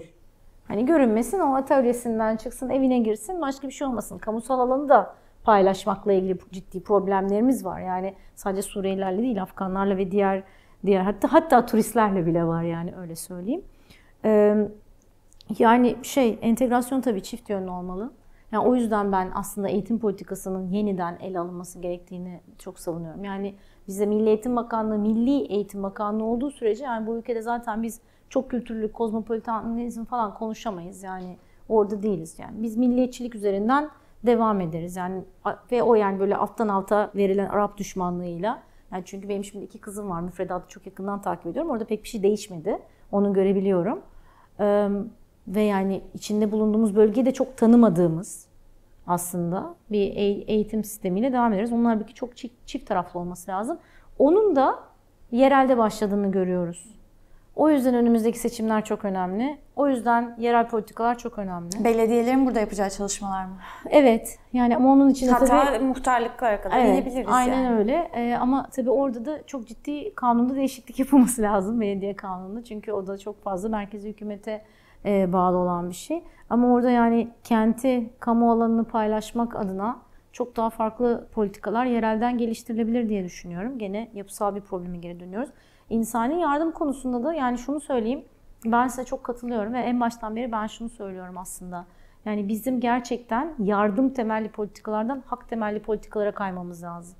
Yani geçen hafta bu yani geçen hafta insan hakları, bu hafta göçmen Dünya Göçmenler Günü ama geçen hafta da insan hakları günüydü. Gene başka bir önemli Birleşmiş Milletler Günü. Biz bütün hafta üniversitede insan hakları konuştuk ama insan hakları dediğimiz zaman bu sadece vatandaş için olan haklar değil. Herkes için. Yani Allah aşkına kim demokratik bir hukuk devletinde yaşamak istemez? Yani bu arada yani Türkiye Cumhuriyeti vatandaşı birçok insanın da bugün sadece demokratik hukuk devletlerinde yaşamak istedikleri için yani ülkeden gitmeye çalıştıklarını da biliyoruz. Yani sonuçta bu ya bu arada vatandaş olan bazı Suriyeli arkadaşlarımızın da gitmeye çalıştığını biliyoruz. Yani vatandaş olmuş kalmak istemiyor. Yani bu ülkeyi herkes için daha yaşanılabilir bir yere bir, bir yer haline getirmemiz lazım. O da insani yardımla olmaz. Benim e, içeride otururken söylüyordum. Ya benim en çok aldığım eleştiri yani çevrim içi her programın altında yazıyor.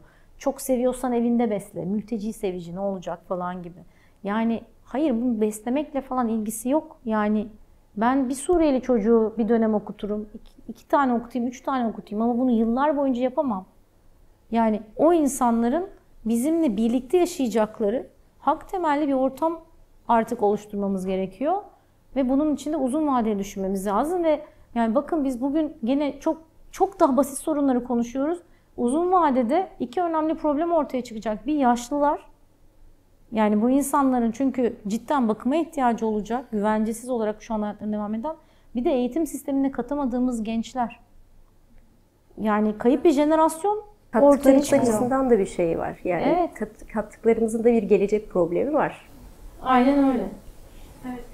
Deniz Bey bu görünmeme hali e, ve işte hak temelli yaklaşım meselesini biraz aslında e, herhalde sendikalarla daha fazla konuşmak lazım. Yani görünmeme hali işte tüm e, insani koşulların dışında çalışma sisteminin içerisinde olup sesini çıkarmama hali. Görünmeyeyim, göze batmayayım, hak talep etmeyeyim, dışlanmayayım, başıma bir şey gelmesin ve ya da günün sonunda gönderilmeyeyim e, meselesi galiba karşınıza çıkıyor. Tabii Türkiye'liler arasında örgütlenme e, bu kadar düşükken hep beraber göçmenlerle bir örgütlülük halini konuşuyor olmak hakikaten zor. Bunu soruyor olmak da zor. Ama biraz toparlarken sizden de buraya ilişkin önerilerinizi, yapmaya çalıştıklarınızı ve önünüze koyduklarınızı duymak isteriz.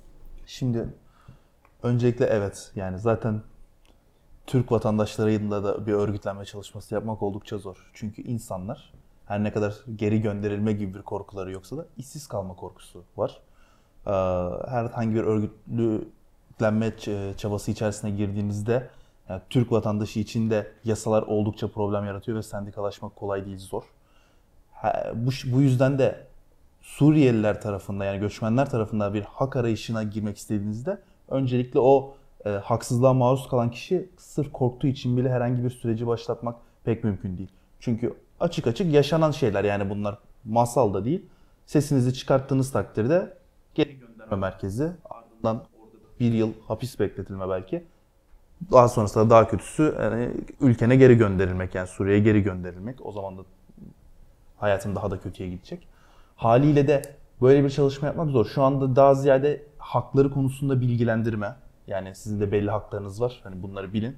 Ve geleceğe dair bu anlamda da en azından fikir sahibi olun. İşte çocuklarınız fikir sahibi olsunlar. Sonuç olarak burada e, her ne kadar bu konuda Türkiye'de bir karar verilmemiş olsa da bu belirsizlik devam ediyor olsa da kalıcılar mı değiller mi? Yani işin gerçeğine baktığınızda ve dünyadaki diğer örneklerine baktığınızda kalıcı gözüküyor. E, kalıcıysa en azından bu bilgilere sahip olun. Hukuki haklarınızı bilin. Bir yerde en azından işinize yarayabilir. İşte bir e, sahiplenme gerçekleştirilebilir. Fakat onun haricinde bir örgütlenme çalışması yapmak yani mümkün değil. Zaten iş yerinin kendisi kayıtlı değil. Yani bu insanların haksızlığa maruz kaldıkları iş yerlerinde hani herhangi bir durum söz konusu değil. Ayrıca da çok hani e, en e, kalitesi standartı düşük sektörlerde çalıştıkları için Türk işçide de bu gördüğünüz bir şey. İşvereni komple kapatıp gitmesi de mümkün. Dolayısıyla da içeride kalan haklarını herhangi bir şeyden almaları mümkün değil. Dolayısıyla da insanlar hiç seslerini çıkarmadan bir iş var, bir para veriyor, çağrıldıkça gideyim şeklinde davranıyor. Dolayısıyla da bir şey yapmak çok zor. Burada daha ziyade sahadan sürekli olarak bilgi toplayarak, bilgilendirme yaparak ve buradan da sesi en azından yükseltip bir politika önerisiyle e, siyasetin ve akademinin karşısına çıkmak üzerine hani bir strateji söz konusu. Bu anlamda da söylemiş olayım. Türkiye'de öncelikle evet geçici koruma statüsündekilerin geçici olmadığını kabul edilmesi gerekiyor. Yani bugün her ne kadar işte geri göndermeler varsa da yani gelenler de var. Geri gönderdiğiniz zaman gelenler de var. Ve e, bir kısmı mutlaka kalıcı olacak. Bu bir gerçek yani. Hani çok yüksek sayıda insan var sonuçta. E, Dolayısıyla da bunu kabullendirilerek çalışma hayatında doğru şartlarda çalışabilmesi için e, yasal bariyerlerin kaldırılması gerekiyor. İş yerindeki kota meselesi ve özellikle başka şehre kayıtlı olma, göç edememe konularının rahatlatılması gerekiyor. Türkçe öğretilmesi gerekiyor. Kesinlikle Türkçe bilmeleri gerekiyor. Çünkü sonuçta Türklerle iş yapıyor olacaklar. İşveren olarak da, işçi olarak da, tüccar olarak da. E, Türkçe öğrenmeleri ve bu şekilde entegrasyonun başlaması gerekiyor. E, Bunun haricinde Türkiye'nin bütün bir dış politika ve ekonomi politikası olarak önümüze bazı 15 yıllık, 20 yıllık planlar koyması gerekiyor. Gelecekte bu olacak şeklinde. Ona göre de eğitimin başlaması, entegrasyonun başlaması gerekiyor. Ki Türkiye'nin kendi ekonomik problemleri bile göçmenler için her ne kadar göçmen olmanın problemlerini alt etseler bile başka problem yaratıyor. Yani hala işsiz kalma durumunuz çok ciddi. Hala kiralar çok yüksek olacak, yetiştiremiyor olacaksınız. Ee, hala çocuğunuzun iyi bir eğitim alıp alamayacağından korkuyor olacaksınız. Ee, özellikle de yaşları artmış insanlar, bu konuya tekrar daha da değinmek gerekiyor. O bugüne kadar da herhangi bir şekilde sigortalı çalışmadıkları için bir emeklilik gelirleri de olmadığı için yani hem çok kötü durumlarda kalacaklar hem de çocuklara mecburen çalışmak zorunda kalacak. Onların eğitim olarak yolun önünü açsanız da ekonomik olarak önünü açmanız için eğitimsiz kalmaya çıktı. Dolayısıyla bir sürü bir sürü bir problemler yuman söz konusu ama e, yegane söyleyeceğim şey bunu özellikle söylemek istiyorum. Siyasetin bu konuyu ciddi derecede tartışmaya başlaması gerekiyor. Bakın mesela siyaset şu anda da bu konuyu tekrardan tartışmaya oldukça bıraktı aslına bakarsanız. Hatta bugün işte aşırı işte geri göndermeci e, tartışmanın ortaya çıkması, halk tarafında da böyle seslendiriliyor olması, işte ne yapılmalı sorusunun tek cevabı olarak işte bazen geri gönderilmeleri hepsi gibi şeyler yükseliyor olması siyasetin bu konuyu uzun bir süre boyunca dokunmaması ve ele almamasından kaynaklanıyor. Yani bugün Türkiye'de siyaset sadece işte Ümit Özdağ çıkıp da yani aşırılıkçı bir söylem ürettiği zaman bu konuyu ele almaya başladı. Bu da maalesef ki böyle bir durum söz konusu. Buna yer vermeden, buna gerek kalmadan siyasetin kendi içerisinde konuşması, bazı gerçekleri kabul etmesi, gerçekleri kabul ettikten sonra da Türk kamuoyuna da yani bu işin gerçeği bu. Bunun bu saatten sonra düzgün gidebilmesi için bunların yapılması gerekiyor diye bilgilendirme yapması gerekiyor ki şunu da söyleyeyim. Türk işçiye şunun iyi anlatılması gerekiyor. Suriyeli de olsa, farklı statüsü de olsa bu sınırlar içerisinde haksızlığa maruz kalıyorsa sen de haksızlığa maruz kal- olabilirsin. Hiçbir garantin yok. İşçisin. Kimliğin de bu anlamda herhangi bir garanti sağlamıyor. Zira zaten sürekli olarak ücretlerin daha aşağı çekilmesi, her ne kadar asgari ücret e, daha aşağı inmemesi için en azından bir çaba varsa da sen de kayıtsız çalış. Ya da işe yeni başlayacaksın, birkaç ay kayıtsız çalış mesela gibi şeyler oldukça yaygın. E, kayıtsız çalışma e, sayısının, kayıtsız çalışan insanların içerisinde Türkler de oldukça yaygınlar zaten. Dolayısıyla da bu sorun hepimizin sorunu. Özellikle işçi anlamında da, vatandaş anlamında da e, yaşanan problemlerin hepsinin bir gün bize de gelme e, riski var. Onu düşünerekten almak ve sadece bir iş yerinde bir emek gücünde bir rakip ya da geldiyse de geldi kötü şartlarda çalışmaya devam etsin o benim problemim değil diye de düşünmemesi için halkı bilgilendirmek gerekiyor. Evet. Neslihan Hanım biraz sizden de toparlarken şunlarla beraber aslında çözüm önerilerinizi de e, isteyeceğim. E, orada bir virgül bırakmıştık. Ayrı bir başlık olarak açmak isteriz. İşte kadın ve çocuklar meselesi.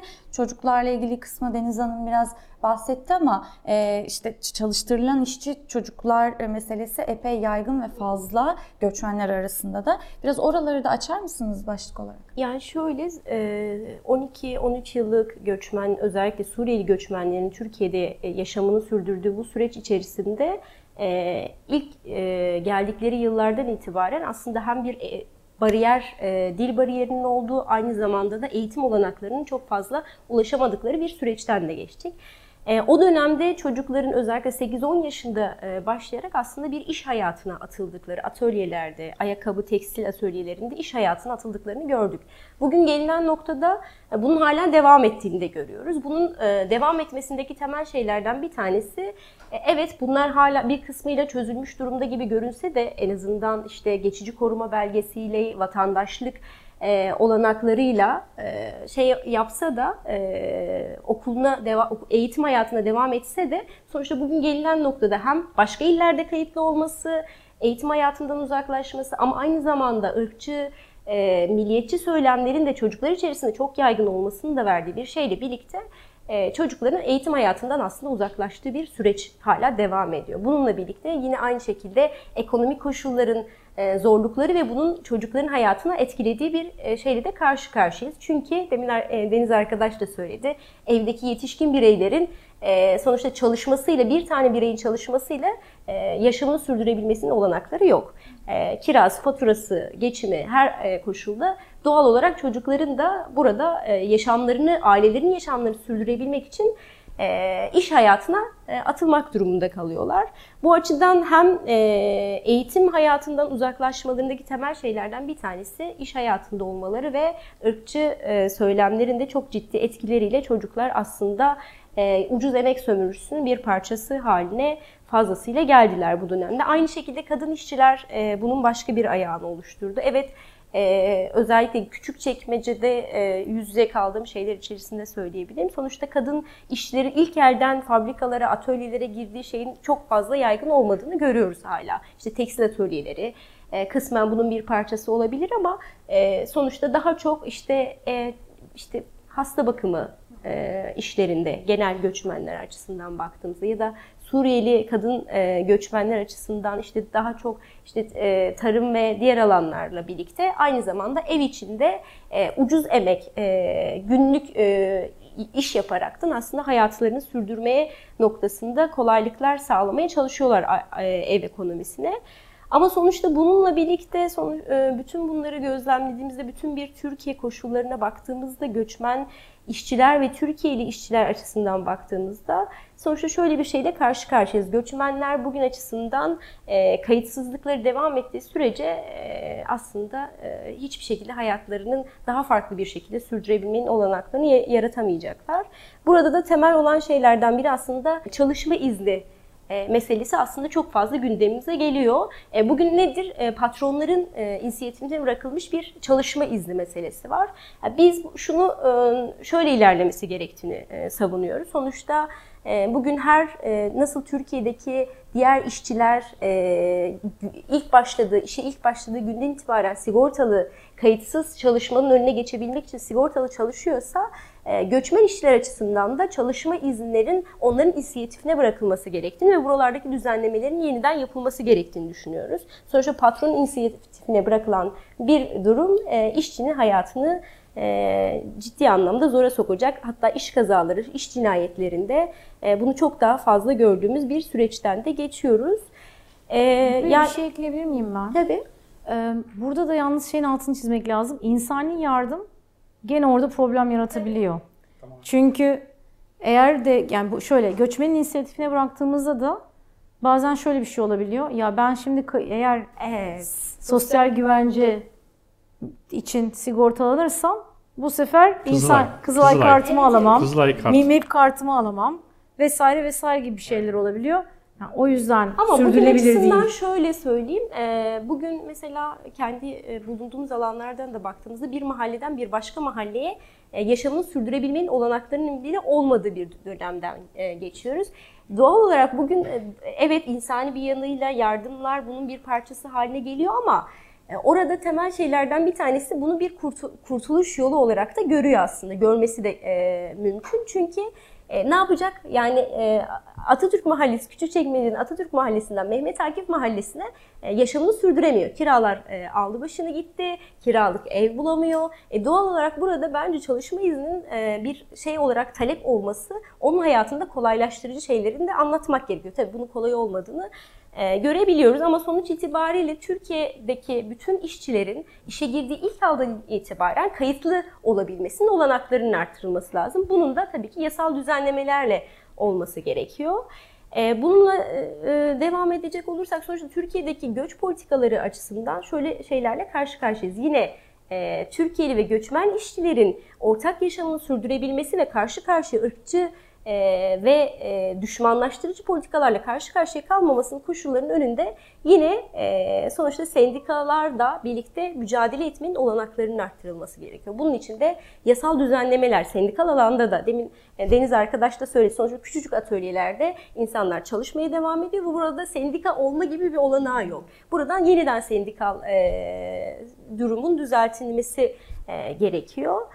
E, Bununla birlikte yine aynı şekilde yani Türkiye'deki göçmenlerin e, sonuçta bir birey olarak, bir toplumsal varlık olarak kendi kararlarını verebilmeleri için de sonuçta bunun önündeki engellerin de kaldırılması gerekiyor. Bunun temellerinden bir tanesi sonuçta geri e, kabul anlaşmasının ortadan kalkması gerekiyor. Sonuçta e, her göçmen e, istediği zaman istediği bir ülkeye, üçüncü bir ülkeye göç edebilmesinin olanaklarının da sağlanması gerekiyor ve bunun ee, bir diğer yanı da sonuçta bu ortadan kalkmadığı sürece hem Türkiye e, bir depo olmaya devam edecek, göçmen deposu olmaya ve içerideki yaşadığımız bütün bu gerginliklerin temeli olarak da e, düşmanlı e, söylem, düşmanlı düşmanlayıcı söylemlerin devam edeceğini ve burada da sistemin, sermayenin im- imkan ve olanaklarına ucuz emek gücü olarak devam edeceği bir dönemdir aslında. Bu yüzden de biz geri kabul anlaşmasının kaldırılmasını savunuyoruz bu dönem açısından.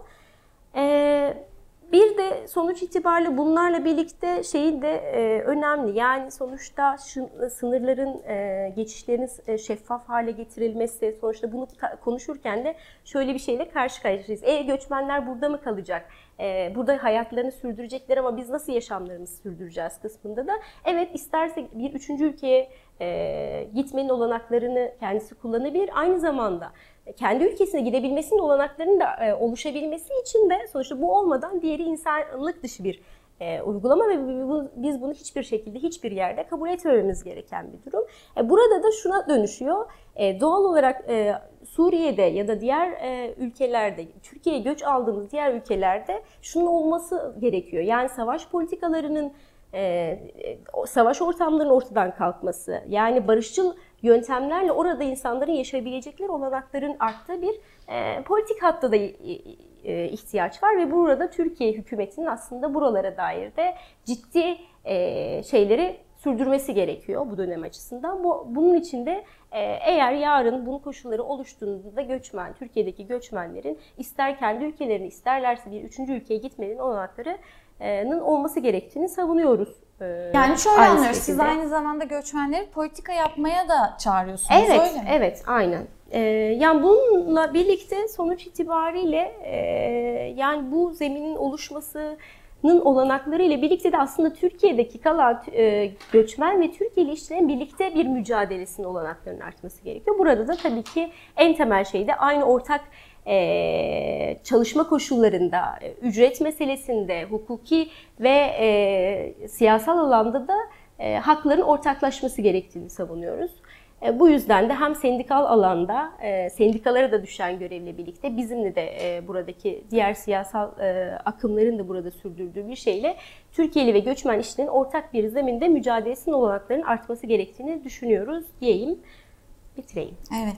Tabii e, sizden de hem taleplerinizi hem de önerilerinizi almak isteriz. Hocam tabii ki yani yerel seçimlerden önce bizim taleplerimiz Suriyeli sığınmacı toplumu olarak inşallah e, tekrar bizi bir siyasi malzeme olarak herhangi bir parti ya da herhangi bir parti lideri kullanmaz. Çünkü ne yazık ki şu gerçeği ortaya koyabiliriz. Yıllardır Türkiye'de Suriyeli sığınmacı toplumu bir siyasi malzeme olarak bütün siyasi partiler tarafından kullandı. Yani bu dosyayı, Suriyeli sığınmacı dosyasını büyük diyelim ki ve çoğu muhalefet e, ittifakında bulunan partiler iktidara karşı olarak iç siyaset meydanında kullandı. Ve iktidar da maalesef Suriyeli sığınmacı dosyasını dış politika meydanında AB'ye karşı olarak kullandı. Hepimiz hatırlıyoruz. İki sene önce nasıl insanları işte sınıra bırakıp ne yazık ki maalesef bir ticaret olarak bir ticaret kapısı açıldı. Ee, şu noktaya gelebiliriz. Aslında hocamız biraz önce bahsettiği nokta çok önemli. Yani politika çağırma konusu. Ee, Suriyeli sığınmacıların yani vatandaş olanlar tabii ki özellikle acaba e, politika alana ya da bir siyaset alana girebilirler mi? Ben şunu cevap verebilirim. Şu dönemde mümkün değil kesin. Çünkü niye? Türk vatandaşımız, bir Türk vatandaş Avrupa ülkesinde vatandaş olduğu zaman seçimler döneminde o ülkenin solcu partilerine oy veriyor. Çünkü niye? Çünkü solcu partiler daim Avrupa ülkelerinde insan haklarına ve muhacirlere ve diğer ki göçmenlere ve mültecilere hak veren ve haklarını savunan partilerdir. Solcular. Biz Türkiye siyaset haritasına gelirken solcu partilerimiz ne yazık ki maalesef aşırı sağcı politikası yapıyor hocam. Yani aynen Fransa'daki Marine Le Pen'in propagandasını yapan partiler gibi. Aynen İtalya Giorgia Meloni'nin yaptığı gibi yapıyor.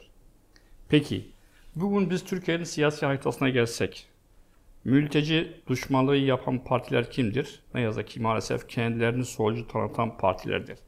Bir Suriyeli sığınmacı, sığınmacı kelimesini kaldıralım, bir Suriyeli insan diyelim ki Türkiye'de bulunuyorum.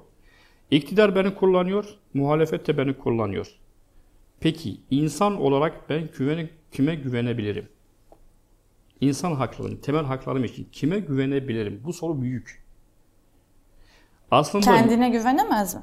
kendini, Kendisi zaten siyaset sen en zayıf çıksın. en zayıf halakasın ortada. Ama ben insan haklarını, kendi haklarımı korumak için en azından birisi benim sesim olması gerekiyor. Türkiye'de insanların sesi kim? Hocam şu nokta çok önemli.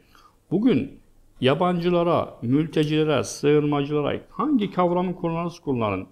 Bu insanlara yönelik herhangi bir hak ihlali ya da hak aykırı olursa bilin ki net bir şekilde yarın öbür gün bu toplumun azınlık gruplu hakları zaten aykırı noktasına gelecek. O nedeniyle biz bugün diyoruz ki ya bu insanların haklarını savunurken aslında toplumun, Türk toplumun sosyal güvenliğini sağlıyoruz. Bu insanlar, bu toplum, Suriyeli sığınmacı kişiler kendi iradesiyle buraya gelmediler hocam. Ben siyasi liderlerle çoğunla görüştüm ve siyasi liderlerin açıklamalarını analiz yaparken şunu görüyorum. Sürekli Suriyeli sığınmacı toplumu hedef alıyorlar. Peki bu insanları buraya getiren sebebi kimse hedef aldı mı? Kimse açıkladı mı? Yok. Hocam Birleşmiş Milletler'in ortada raporu var. Aynı zamanda da kimyasal silahların yasaklanma örgütünün raporu var. Birleşmiş Milletler'e bağlanan. Suriye'de bir katil rejim kendi halkını kimyasal silahla vurdu. Human Rights Watch, Uluslararası Af Örgütü, aynı zamanda bizim STK'larımızın orta raporları var. Hala daha işkence orada devam ediyor Esed rejiminin zindanlarında. Hala daha İdlib, Azaz, Afrin bombalanıyor. Hala daha Cerablus bombalanıyor. Ya biz bu gerçekleri biliyoruz ama inanmak istemiyoruz. Bu aslında bizim insanlığımızın kara lekesi hocam. Sen biliyor ki bu insanı gönderirsen o insan orada ölecek. Ona rağmen diyorsun ki orası güvenli.